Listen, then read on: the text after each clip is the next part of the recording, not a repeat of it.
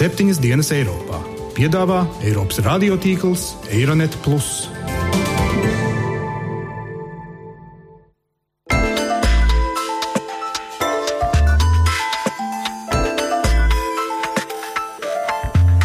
Šonadēļ septiņas dienas Eiropā dzirdēsim. Если я буду видеть угрозу, эту не угрозу, я приду и уничтожу танк. Tanks, armored vehicles, artillery. Vai Mariupoles apšaudīšana bija tikai terorakts?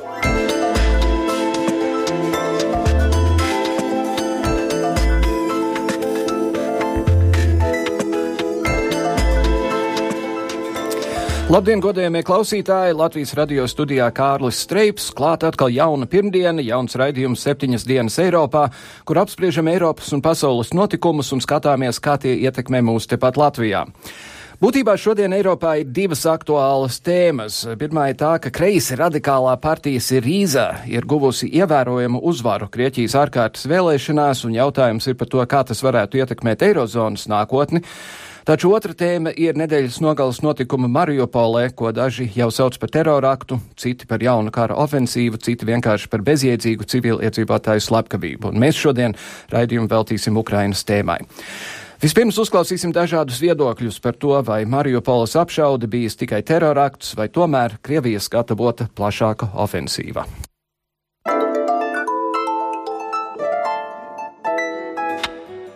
Galvenais neatbildētais jautājums uz šo brīdi ir, vai Mariupoles apšaudīšana ar mīnmetējiem bija tikai atsevišķs terorakts, vai arī Krievija gatavojas jaunai, plaša mēroga ofensīvai. Lai gan liela daļa ārvalstu notikumu vērotāji prognozē, ka ar uzbrukumu Mariupolei Krievija gatavojas izveidot koridoru starp Krievijas anektēto Krimu un Doņetsku, analīzes un prognožu centrs Stratfor ir pārliecināts, ka vairāk šādam ofensīvam nepieciešami indikātori pagaidām iztrūkst. No vienas puses, Stratfora pētnieki atzīst, ka grada reaktīvo mīnmetēju izmantošana norāda, ka uzbrukums bija rūpīgi plānots un tam bija valstiska mēroga atbalsts. Uz to norāda arī NATO ģenerālsekretārs Jens Stoltenbergs, kurš skaidro, ka pēdējo dienu laikā Krievijas karaspēks ir devies palīdzīgā prokrieviskajiem kaujiniekiem. NATO ģenerālsekretārs. Mūsu rīcībā ir informācija, ka no Krievijas pie separatistiem tiek vests liels daudzums smagās bruņu tehnikas - tanki, bruņu transportieri, artilērija un pretgaisa aizsardzības sistēmas. Gan NATO, gan arī analīzes un prognožu centrs Stratfor ir pārliecināti, ka tik nopietnas bruņu tehnikas ieviešana norāda uz gatavošanos plašākam uzbrukumam. Taču par to, ka tas nozīmētu ilgi aprunātā starpsavienojuma izveidi, gan ekspertu domas dalās. Vārdā neatklāti avoti no prokrievisko kaujinieku rindām Britu laikrakstam Guardian iepriekš bija vēstījuši, ka viņi nemēģinātu ieņemt tik lielu pilsētu kā Mariupoli, jo tas nozīmē tik plašas kaujas pilsētas centrā, ka Mariupola tiktu pilnībā iznīcināta un iet bojā simtiem cilvēku. Arī pašpasludinātais tā dēvētais Doņetskas Tautas Republikas līderis Aleksandrs Zaharčenko preses konferencē, kurā viņš uzņēmās vainu par uzbrukumu, piebilda, ka pašā pilsētā iebraukt nav plānots. Stāsta Zaharčenko. Поэтому было принято решение не ждать наступления украинской армии. Mēs esam pieņēmuši lēmumu negaidīt. Līdz Ukrainas armija sāk ofensīvu, mēs vienkārši neļausim viņiem noformēties. Mēs turpināsim uzbrukumu līdz sasniegsim Doņetskas robežu. Dārgie mediji, Es jau esmu teicis, ja es redzēšu draudus Doņetskas zemē no jebkura apdzīvota punkta, es šos draudus iznīcināšu. Bet, ja draudi nebūs, tad mēs runāsim citu valodu. Arī Ukrainas Nacionālās drošības un aizsardzības padomas preses pārstāvis Andrijs Lisenko uzsver, ka uzbrukums Mariupolei vēl nenozīmē jaunu ofensīvas sākumu. Preses konferencē nedēļas nogalē pulkvedis uzsvēra, ka nemiernieki apšaudīja Ukraiņas pozīcijas, lai paplašinātu savu teritoriju un pielāgotu robežlīnijas savām vajadzībām. Nekādas pazīmes par plašāku uzbrukumu Mariupolī pagaidām nesot. Analīzes un prognožu centrs Stratfor uzsver, ka Krievija vēl nav loģistiski gatava jaunam, plaša mēroga ofensīvam. Lai izveidotu koridoru starp Krimu un Doņetsku, Krimas infrastruktūrā būtu nepieciešams ieguldīt lielus līdzekļus. Taču kopš aneksijas Krievija pussalu ir atstājusi relatīvi neskartu.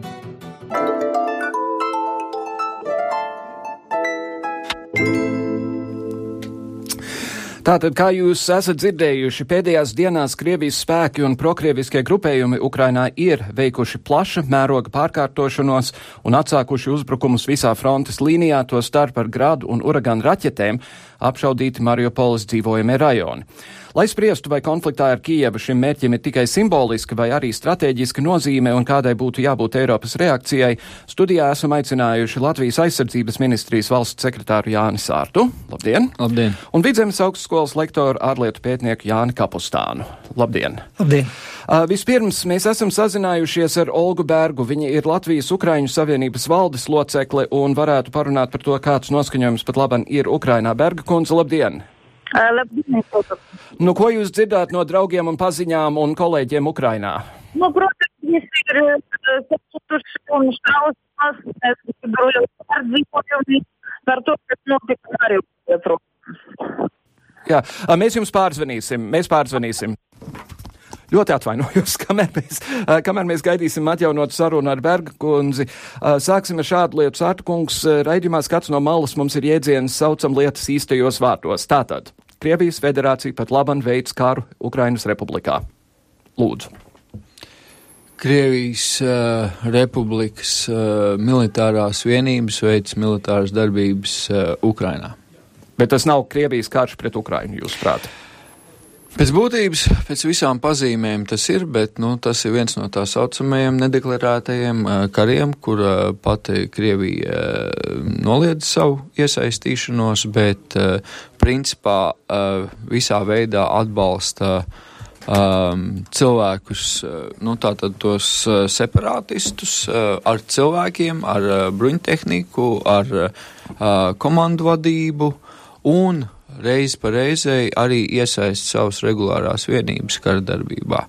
Uh, protams, jebkurš cilvēks, kurš nu, zina, kas ir kara definīcija, zina, ka tas uh, savā ziņā atbilst. Protams, Krievija šo noliedz, bet, nu, kā mēs zinām, Krievija visu šī konflikta laikā ir pietiekami daudz lietas noliegus, kas pēc tam atklājušās, ka ir uh, pilnīgi uh, patiesība.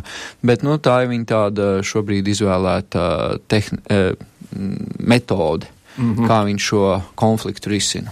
Skaidrs. Laikam esam atguvuši sakarus ar Bergkundz. Labdien vēlreiz! Labdien! Jā, tagad ir daudz labāk. Lūdzu, sāciet no jauna. Ko jūs dzirdāt no Ukrainas? Nu, mēs dzirdam, ka visa Ukraina, protams, ir ļoti nožēlo par to, kas notika. Vakara bija izsludināts traurs un visas pilsētas notika mītiņi un arī Kīva.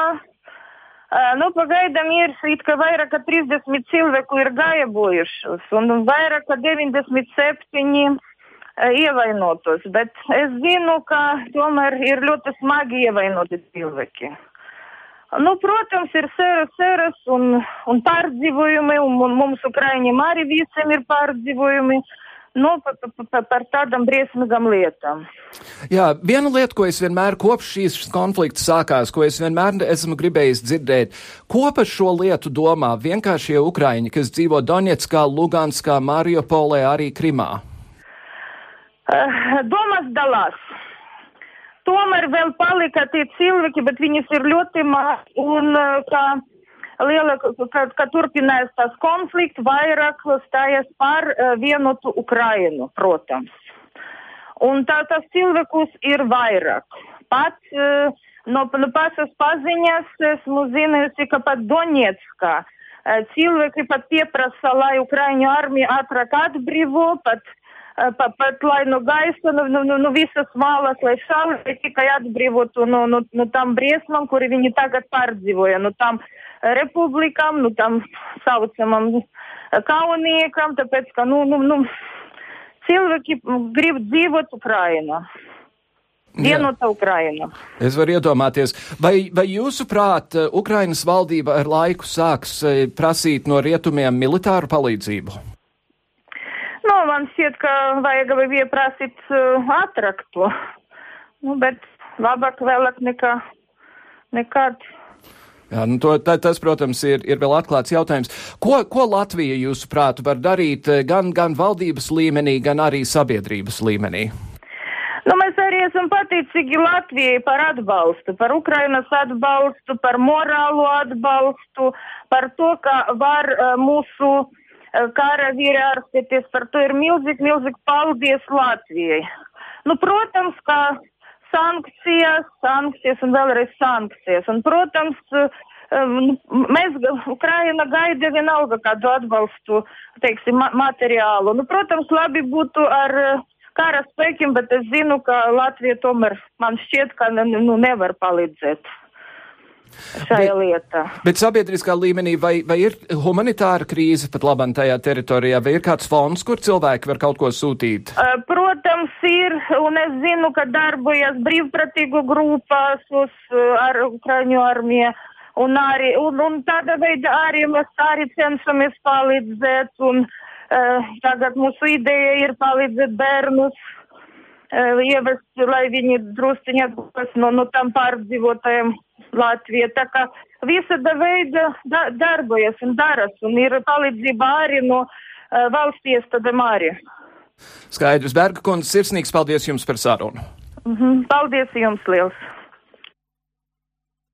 Smagi, smagi. Uh, atgriežoties pie, pie sarunas kapustāna kungs, kā jūs definējat to, kas turpat labam notiek? Jā. Es arī pilnībā piekrītu Jānim Sārtam, ka būtībā mēs varam redzēt, ka šeit notiek nepieteikts Krievijas federācijas karadarbība Ukrainā, un vismaz divi faktori par to liecina, ka runa jau neiet tikai par atsevišķiem Krievu brīvprātīgiem, kas uzdarbojas Ukrainā, bet būtībā tur uzdarbojās organizētas karaspēka vienības. Es tā pieņemu, ka tās ir īpaši uzdevuma vienības, ko mēs droši vien varējām redzēt Doņetskas lidostas ieņemšanā. Nu, es, man grūti iedomāties, ka tie varētu būt kaut kādi vienkārši brīvprātīgie, kas tur gāja uzbrukumā un ļoti precīzi mērķiecīgi to lidostas jumtu sabombardē. Es domāju, ka šeit bija īpaši uzdevuma vienības. Un otrkārt mēs redzam, ka separātistiem, jeb teroristiem, saucam kā gribam, viņiem ir ļoti moderni ieroči, tādi ieroči, kādu Ukrainas armijai iespējams pat nemaz nav, un tā kā šeit neiztur argumentu nekādu, ka šie ieroči būtu pamesti Krimā vai kaut kur atrast. Tā, tā jaunākā tehnika, tā ļoti mērķiecīga un organizēta, iedota šiem te teroristiem, separātistiem, un te mēs redzam precīzi, kā notiek tieši Krievijas iesaistīšanās šajā konfliktā. Mm -hmm. Zārta kungs, vai, vai ministrijā un plašākā nozīmē NATO mūsu sabiedroto apriņķos ir sākusies, vismaz sākusies kaut kāda saruna par kaut kādu militāru iesaistīšanos? Um, jā, ir, ir bijušas sarunas jau labu laiku par to, kādā veidā NATO palīdz Ukrainai šajā konfliktā. Ir skaidrs, ka nav uh, vienots NATO lēmums par to, ka iet militāri. Uh, mēs arī Latvijā esam skatījušies, kādā veidā mēs varam palīdzēt šajā situācijā, un mūsu vērtējums ir bijis tāds, ka Uh, Latvija Ukrainai nevar dot ieročus, ne, ne, nemaz neskatoties uz tādiem politiskiem faktoriem. Jo daudz, mums tādu nav īsti. Mums pašiem ir diezgan nu, maz. Turklāt Ukraina neaizmirsīja vienu no lielajiem ieroču ražotājiem.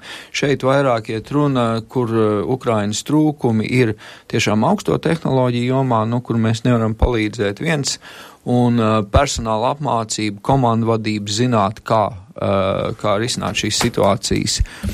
Uh, un Līdz ar to mēs pamatā iesaistamies šajā apmācības procesā. Mēs gan operacionālā ziņā, gan kaut kādās nišas spējās mēs nu, pēdējā laikā pietiekami regulāri veicam apmācību kursus Ukraiņu militāristiem, lai uz, uzlabotu viņu spējas šajās jomās. Viņi brauc šurp vai mēs braucam pie viņiem? Uh, viņi brauc šurp. Un tad ādažos kaut kā tiek apmācīti. Uh, nu, tā kā pamatā tas ir virsnieku korpus, uh, tas pat nav ādažos, tas ir uh, nu, kāda starpība, kur, bet, jā, bet nu, tas nav jā. poligona, tas ir vairāk, teiksim, virsnieku, augstāko virsnieku apmācības specifiskās tēmās. Vai šajā procesā piedalās arī ārzemnieki, kas pat labi pie mums, amerikāņi un norvēģi un citi? Jā, jā, piedalās arī citas NATO valsts, Lielbritānija, ASV, kas, nu, sadarbojas ar mums šo te apmācības procesu veikšanā. Mhm. Kapustāna kungs, kā cilvēks, kas skatās no ārpuses, tā teikt, kādas jūsuprāt, ka, kas ir elementi diskusijā par to, ko darīt tālāk rietumu, rietumu pusē? Jā, faktiski viens no rādītājiem bija, te, cik spēcīgs būs šis uzbrukums vai ofensīva Ma Mariupolē. Un tā tad pirmās pazīmes sestdien rādīja, tā diezgan satraucoša aina, ka tagad varētu jau būt kaut kas nopietnāks iesācies, ja, piemēram, sāktos re reāls uzbrukums Mariupolē ar lielām cilvēku apšaudīšanām, kur ļoti daudz ciliedzīvotāji iet bojā, tad jau varētu nopietni risināt jautājumu, ka ir pienācis laiks nevien apturēt sankcijas, bet pastiprināt. Tomēr tas nav noticis. Mēs redzam, ka jā, tie teroristi ir apšaudījuši un nogalinājuši daudz civiliedzīvotājs, bet tālāk tas uzbrukums vismaz Mariupolē nav noticis. Un kā mēs dzirdējām, viņi ir teikuši, ka viņu plāns nav ieņemt Mariupolu, bet viņi turpinās bombardēt, kas ir, nu, tas liekas dīvaini. Nē, nu, protams, ka kara darbība un apšaudas jau notiek nepārtraukti, par to jau nav nevienam šaubu, bet tāda liela mēroga kara darbība, nu, vismaz rietumu izpratnē, varbūt es domāju, ka nenotiek. Un no rietumu viedokļa es domāju, ka viņi tomēr pašlaik negribēs pastiprināt šīs sankcijas, jo ļoti daudzas valsts skatās tieši uz savu ekonomisko izdevīgumu. Arī rietumiem šīs sankcijas maksā. Un te mēs ļoti labi redzam tādas valsts kā Ungārija, Čehija, Slovākija. Tās nav rietumu valsts, tās ir Austruma Eiropa, kas diezgan stingri mēģina lobēt par sankciju, nu, būsim godīgi, mazināšanu vai pat atcelšanu. No Rietuma Eiropas mēs redzam Franciju, Austriju, tā kā arī gribētu mīkstināt. Tā kā ir jānotiek kaut kādām tādām masīvām uzbrukumam ar milzīgiem civiliedzīvotāju zaudējumiem, lai Rietumvalsts pastiprinātu sankcijas. Atcerēsimies, ka arī sākotnēji Rietumvalsts nemaz tā nesteidzās tās sankcijas likt, un tikai tad, kad tā lidmašīna nelaimīgā tika notriet, kur piedamām gandrīz visi vai lielākā daļa bija Nīderlandes pilsoņi, un tad viņi vairs nevarēja, nevarēja nerēģēt, mm -hmm. un tad jau arī sākās šīs sankcijas. Sārtkungs? Nu, es gribu teikt, ka šeit varbūt uz brīdi jāpaskatās ne tik daudz uz Eiropu. Manuprāt, interesanti būs pavērot ASV reakciju. Vismaz kaut kādas pirmās pazīmes, ko Obama uh, pateicis pēc Mariupols mm, norāda uz to, ka būs ASV reakcija. Turklāt, manuprāt, ASV iekšpolitika ir nedaudz pamainījusies nesen un, un ir daudz lielāks spiediens uz ASV administrāciju darīt vairāk. Ukraiņas krīzes sakarā, tā kā es paredzētu, ka tur varētu būt varbūt tā iniciatīva šoreiz nākt vairāk no ASV. Uh, viens otrs, uh, protams, pamieris jau labu laiku neeksistē, tur notiek uh, pilna apjoma kara darbība. Mariupola ir uh, ziņu virsrakstos. Kaujas ir notikušas arī citās uh, frontes vietās, un arī pietiekami nopietnas uh, kaujas tikai nu, starp militāriem. Tāpat, tāpat lidosta. Jā, nu, es domāju, arī sestdien, svētdien. Līdz ar to ir nu, tāds plašāks, manuprāt, mēģinājums at, at, atvirzīt Ukraiņas spēkus tālāk prom no iepriekšējām pozīcijām, un kas ziemas laikā, kā varam iedomāties, izraisa veselu virkni grūtības, nu, ja izsit no iepriekšējām pozīcijām, bet nu, līdz šim Ukraiņi ir spējuši noturēties tur. Uh, nu, attiecīgi, varbūt ar to ir arī kaut kā korelējās tas uh, uzbrukums uh, Mariupolē, kuram nu, no militārā viedokļa es neredzu loģiku. Jā, ja mēs runājam par šo te Mariupoles apšaudu, tad pašlaik tomēr izskatās, ka varbūt tā tiešām tāda iebiedēšana, jo nav militāras loģikas, teiksim, šaut pa civiliedzīvotāju kvartāliem. Faktiski jau Ukraiņa armija šeit nav cietusi, šeit ir cietuši civiliedzīvotāji. Nu, es neredzu tādus ieguvumus šiem separātistiem. Vai ir iemesls domāt, ka nav tikai viena separātistu grupa, ka arī šīs grupas ietvaros ir dažādi atzari, daži radikālāki, daži mazāk radikāli? Jā, tas eh, bez šaubām tā ir, kā jebkādā šādā nu, līdz galam teiksim, centrāli nekontrolētā kustībā tās ir diezgan izteikts strāvojumi, bet pēdējā laikā, es domāju, var redzēt arvien lielāku centralizāciju, vesela virkni grupējumu vadoņi ir miruši no jau. Līdz ar to, principā, mēs pēdējā laikā redzam izteiktāku centralizāciju. Ja mēs runājam par militāro aspektu, es domāju, pēdējā laikā mēs varam teikt, ka militārās operācijas tiek vadītas uh, no vienota centra. Jā, un vēl ir tāda interesanta pazīme, mēs varam vērot, tikko izskan ziņas, kad Krievijas Ukrainas robeža ir šķērsojušas liels Krievijas kolonas, teiksim, ka pāris tūkstoši ienāk, tad drīz vien kaut kas notiek. Tā bija augustā, kad šķērsoja Krievijas vienības diezgan liels, un pēc tam sekoja Ukraiņu aplenkšanu un sagrāvu pie Ilovaiskas, un arī pirms Pirms pēdējiem notikumiem bija ziņas, ka Krievijas vienības ir šķērsojuši šo robežu, un tad drīz vien sekoja šie izšķirošie notikumi pie Doņetskas lidostas. Mm -hmm. Bet, ja jūs sakāt, eh, kļūst centralizētāk, kur tad ir tā centrāla? Vai tā centrāla ir Luganskā vai Maskavā? Jo to es jautāju, tāpēc, ka šīs nedēļas žurnālā The Economist, uh, Economist citēja dažus tos uh, pārstāvjus, sakām, protams, mēs neko nedarām bez Kremļa instrukcijām vai akcepta. Nu, teiksim tā, tā operacionālā vadība, es domāju, ir turpat kaut kur reģionā bet eh, nu, tālākā ķēdīte mm, iet tālāk. Mm -hmm. Ja par ieročiem.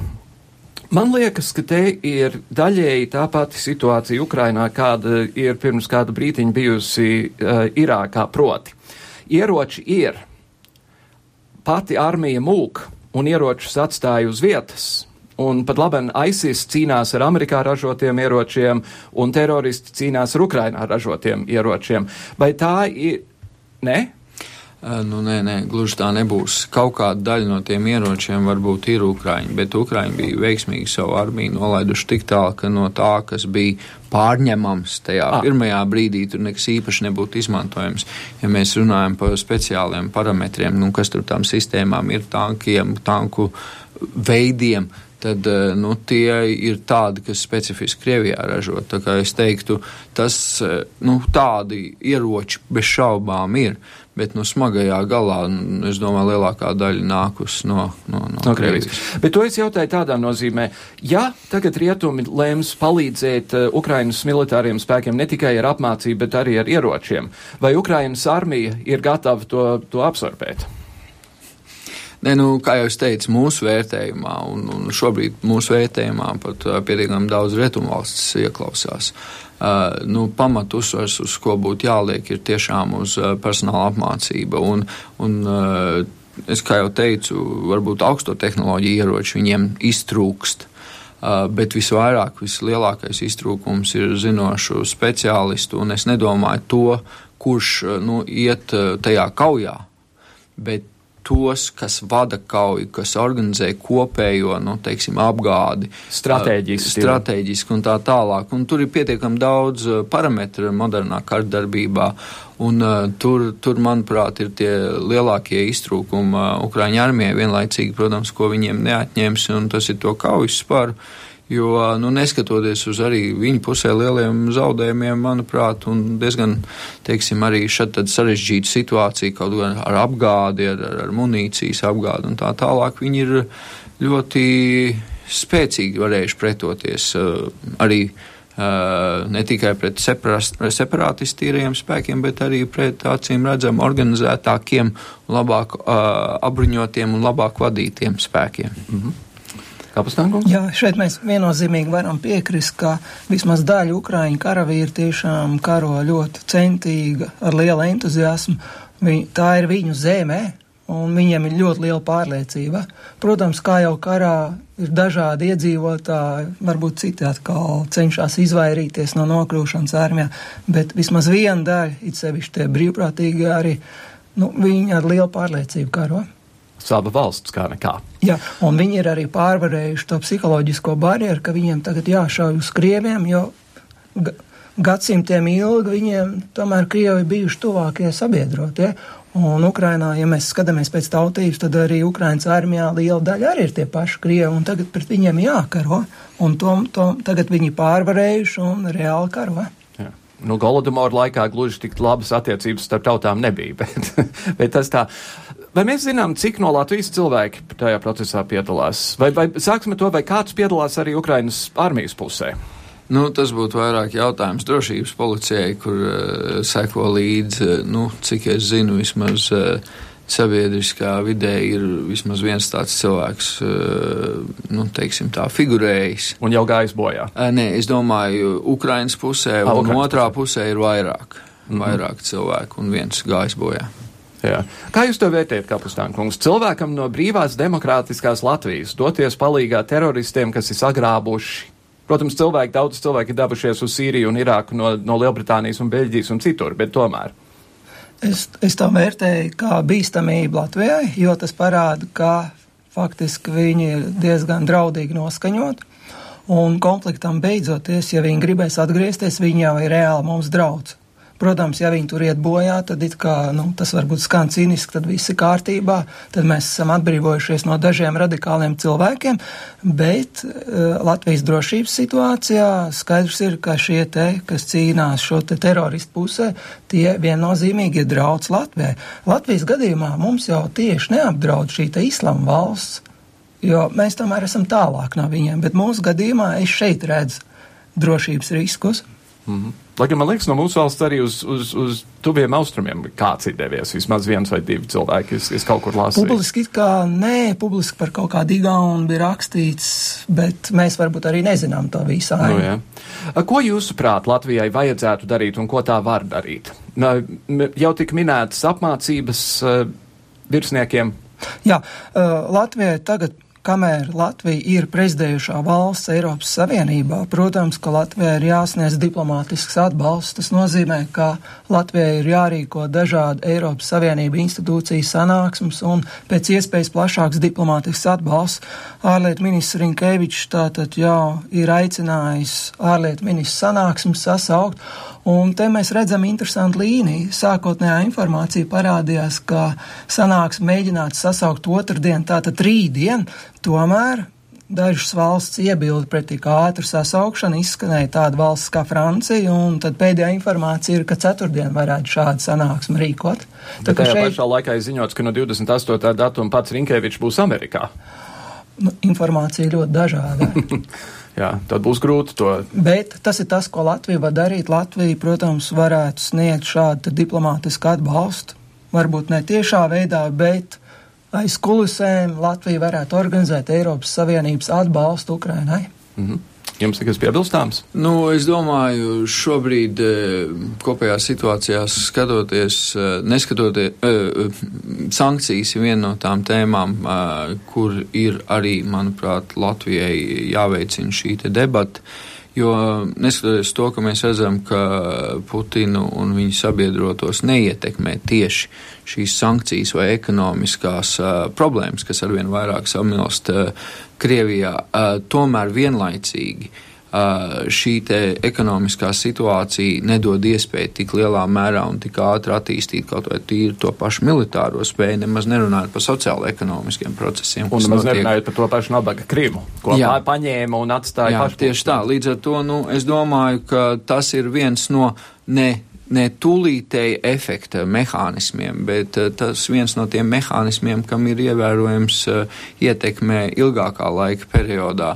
Un, uh, nu, kā mēs redzējām, šobrīd jau publiskā telpā tiek diskutēts par nākošajiem soļiem, tur gan vairāk ASV Jā. virzienā jāskatās, bet tie varētu būt diezgan, diezgan nu, teiksim, ar lielu efektu. Mm -hmm. Es vēl gribētu piebilst, ka amerikāņi tiešām pašlaik varētu būt aktīvāki, bet ja mēs skatāmies tādu tiešo ietekmu uz Krieviju, tad tieši Eiropas Savienībā varētu būt lielāka ietekme. Un ja Eiropas Savienība pastiprinātu sankciju, tad Krieviju tas varētu skart jau daudz, daudz nopietnāk, jo Eiropas Savienībā ir daudz lielākas tirzniecīskās attiecības ar Krieviju.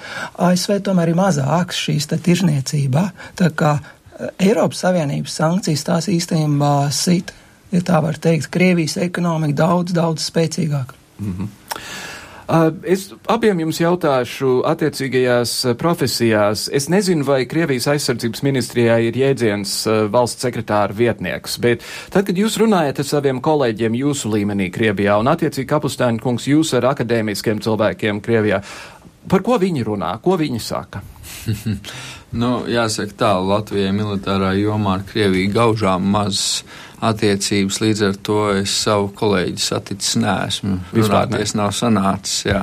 Es varu pateikt, es, ko mēs runājam ar mūsu rietumu vai citu postpadomu valstu kolēģiem, bet ar Krievijas eh, kolēģi man nav sanācis tikties. Labi, jā. ko runā, ko runā jūsu rietumu un postpadomu kolēģi? Uh, pirmais, uh, rietumu kolēģiem mēs esam diezgan uh, nu, strauji kļuvuši par tādu, teiksim, uh, atsauces punktu par to, kas notiek Krievijā un kāda varētu būt uh, prognozējumā Krievijas attīstība. Kādu laiku mūs uzskatīja par diezgan, teiksim, uh, Uh, histēriskiem iepratim Krievijas attīstībai, un diemžēl izrādījies, ka mums tomēr tā spēja redzēt cauri uh, teiksim, miglai bijusi labāka. Un uh, tamdēļ nu, teiksim, uzticamība mūsu vērtējumam pieaugusi.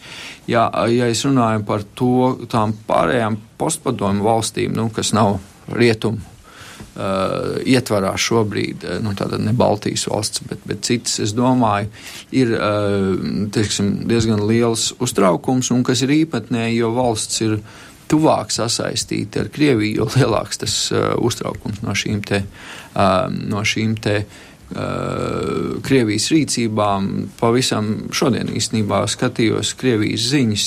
Uh, uz, uz, uzskatām, var redzēt pēkšņi jaunas tēmas parādīšanās par Baltkrieviju kā par nacionālu valsti, kas iet Ukrainas virzienā un tā tālāk. Tā kā uh, šī, šādā ziņā pat jāteikt īpatnēji, ka jo tuvāk valsts atrodas Krievijai tādā interešu un, un attiecību jomā, jo vairāk viņi ir uztraukušies par notikumu attīstību. Kazahstāna arī spirinās. Tieši tā. Zināmā mērā. Jā, un es te gribētu līdzīgi vairākus punktus piebilst.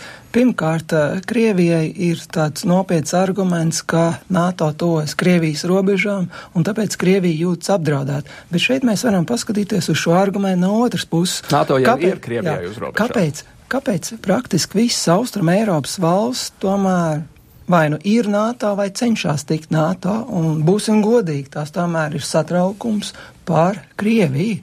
Tā tas būtu pašiem Krieviem kritiski jāizvērtē, nu kāpēc uh, šīs te Austrum Eiropas valsts tomēr necenšas pie Krievijas sabiedroties, bet tomēr iet uz NATO. Tālāk, ja mēs skatāmies uz kaimiņu valstīm, interesanti situācijas arī lasīja Baltkrievijā. Baltkrievi ir pieņēmuši jaunu militāro no stratēģiju, kaut kāds noteikums, kur viņi jau precīzi ir definējuši. Ja parādās nezinām karavīri, tā saucamie zaļie cilvēciņi, tas ir iebrukums Baltkrievijai, kurai ir jāpretojās. Un treškārt tāda valsts kā Polija. Pēc dažām dienām apritējas gadskārt kopš 1945. gadā sarkanā armija atbrīvoja Aušvics, šo te koncentrācijas nometni, Un te arī mēs redzam jau tādu diplomātisku strīdu starp Poliju un Krieviju, jo Polijas ārlietu ministrs Gregors Šķetina ar vārdiem paldies Ukraiņiem, tātad viņš teica nevis paldies Krievijai, bet paldies Ukraiņiem par Aušvicas atbrīvošanu. Un kas par lietu? Formāli šo te Aušvicu atbrīvoja sarkanās armijas pirmā Ukraiņas fronte. Aha. Formāli.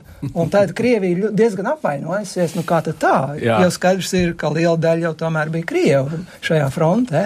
Bet, nu, formāli viss ir pareizi. Pirmā Ukraiņas fronte ir atbrīvojusi Aušvicu un polijas ārlietu ministrs ir pateicis Ukraiņiem paldies. Nu, re drusku provokatīvi, bet, bet droši vien tā pareizi. Bet es atgriezīšos pie jautājuma par jūsu kolēģiem uh, uh, Krievijā, jo rodas iespējas reizēm, ka pilnīgi visa Krievija ir nozombēta līdz pilnīgajam, izņemot Kaspāravu un Navaļņī, un ar, ar to arī viss ir pateikts.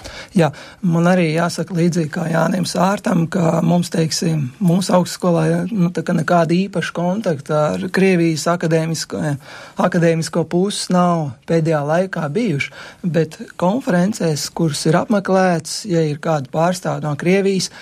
Ir bijušas dažādas situācijas, ir bijušas, ka cilvēks saka, nē, nē, nu, ka principā jau Krievija nav iesaistīta, ka principā tur amerikāņi kaut ko uzdarbojas. Nu, tiešām ir tā ļoti jocīgi paskatīties. Cilvēki dažādi. Un, protams, ir arī cilvēki, kas neoficiāli saka, nu jā, mēs neesam priecīgi, bet mēs nedrīkstam skaļi to teikt. Tā kā cilvēki ir ļoti dažādi.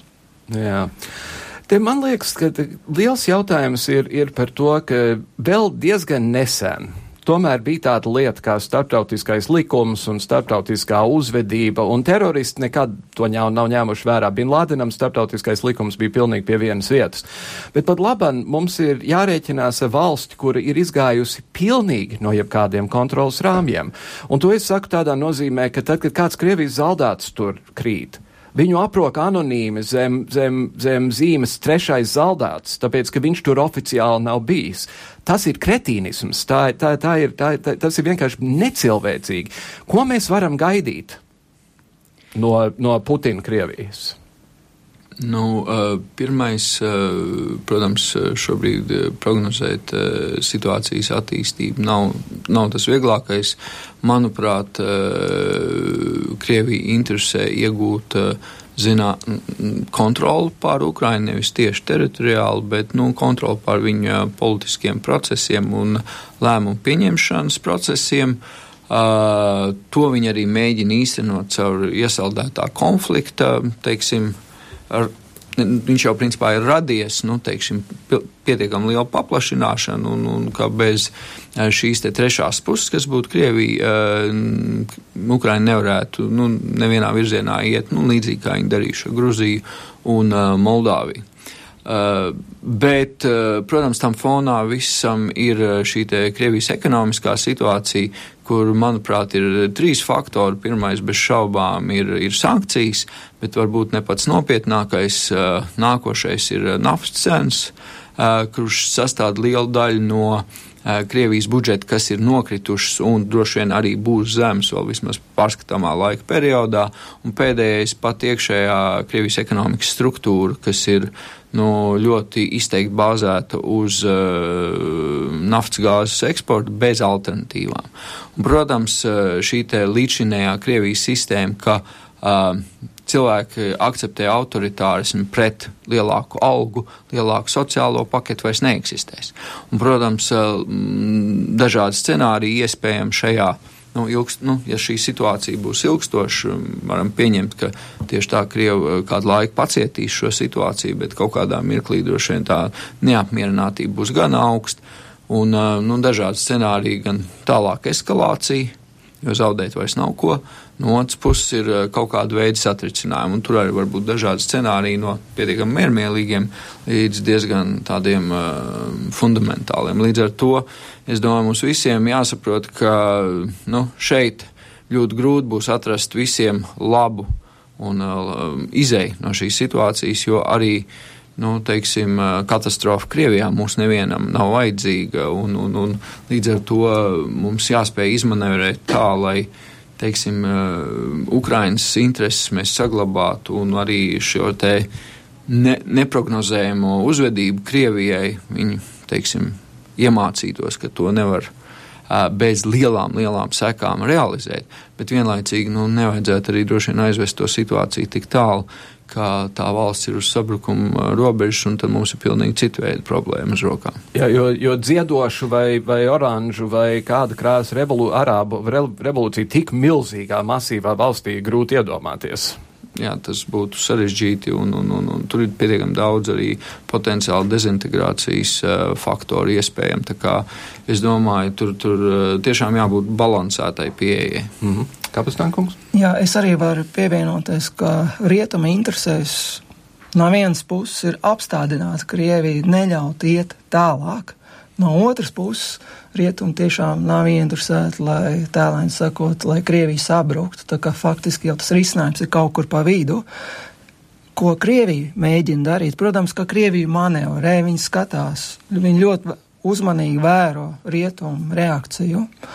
Un Krievija vienkāršiem vārdiem sakot, mēģina sariet, darīt ļaunu Ukrainai pēc pilnas programmas, lai Ukraina būtu vāja, lai Krievija vadīt, varētu manipulēt ar Ukrainu. Un tāpēc mēs redzam, ik pa laikam ir šie te uzbrukumi, bet tāpat laikā vismaz tuvākā brīdī izskatās, ka tāda liela mēroga uzbrukuma, nu kā piemēram iet uz Kielu, nu tas it kā tā kā Krievija tā kā to nedarītu.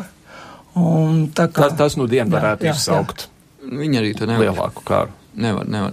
Ukraina ir milzīga teritorija. Viens ir aizvirzīt kaut kādu tanku koloniju, kaut ko tādu, nu, teiksim, 200 km tālumā, bet pilnīgi cits kontrolēt to teritoriju, apgādu un tā tālāk. Tāpēc arī īpaši neticu šī te teorijai par uh, savienojumu ar, ar Krimu. Tur ir mm. pārāk liels attālums. Bet ko Krievija var izdarīt? Viņi tā tad pamatīgi destabilizēt situāciju un uzvēl, teiksim, Ukrainai šo te atbildību, ka Ukrainai tomēr arī finansēt un uzturēt ekonomiku arī šajos te austrumu reģionos. Un tālāk jau, protams, Krievija var izmantot. Ko jūs tie taču ir tās, taču ir neatkarīgas republikas? Jā, nu, Minskas vienošanās pamats ir, ka Kieva noņēma šo finansējumu, kas vēl uz konflikta sākumā bija gājis uz Doņetskas un Luhanskas uh, iedzīvotājiem. Viņi noņēma un viens no mm, Krievijas prasībām, lai viņš tiktu atjaunots. Jā, jā tātad. Minskas līgumā gan arī bija teikts, ka netiks bombardēt Mariupolu. Nē, nē, tur ir ļoti daudz, kas ir, un arī robežas nepildīt. Jā, ar Ukraiņu robežsargiem. Jā, un pēdējais jautājums, Ārkungs, cik lielā mērā mums Latvijā ir jābaidās no tā, kas eh, tīri, tīri drošības nozīmē, jābaidās no tā, kas tur notiek pat labi? Ne, nu, protams, eh, dzīvot blakus kaimiņam, kurš ir kļūst tik neprognozējams un, kā jau jūs teicāt, neievēro nekādas starptautiskas normas, uh, ir, nu, teiksim tā, zināms risks, ir risks. Uh, nu, vienlaicīgi, paldies Dievam, mēs esam labu laiku atpakaļ izdarījuši savas izvēles par labu NATO Eiropas Savienībai. Un uh, šobrīd es redzu, ka arvien vairāk uh, mēs redzam NATO valstu karaspēku šeit, un būs vēl. Mēs redzam lielākas mācības šeit, izvērsīsies NATO infrastruktūra Latvijā. Tā kā tādā ziņā, nu, lai arī varbūt nedaudz novēlot, bet Eh, NATO un Rietumu valsts ir pamodušās un, un, un redz to ainu, kāda viņi reāli ir. Eh, turklāt, nu, eh, NATO ir tāda spējas, ka nu, mēs zinām līdz pat detaļām, kādas vienības, kur atrodas un tā tālāk. Un tur to, ko pastāsta Krievijas iedzīvotājiem, nu, nevar pastāstīt NATO militāram komandierim. Līdz ar to nu, gatavība tiek kāpināta, un es domāju, nu, tā, tā spēja ir tāda, ka nu, nebūs apetīte. Skaidrs. Uh, no aizsardzības ministrijas valsts sekretārs Jānis Sārts un no Vidzemes augstskolas lektors Jānis Kapustāns. Paldies jums abiem par sarunu. Paldies! Paldies, dāmas un kungi, ka klausījāties, ar to arī skan mūsu raidījums. Es gribētu atgriezties pie tā, par ko runāja Olga Berga raidījuma sākumā. Paskatieties internetā, noteikti ir kaut kas tāds, ko arī jūs varat darīt, lai palīdzētu cilvēkiem Ukrainā, kaut vai bērni, kuriem pat labam ir vajadzīgs kaut kāds patvērums, vai varbūt tur ir vajadzīgas, es nezinu, segas vai ēdienas vai kaut kas tam līdzīgs. To var noteikti izpētīt. Līdz nākamajai nedēļai visu labu!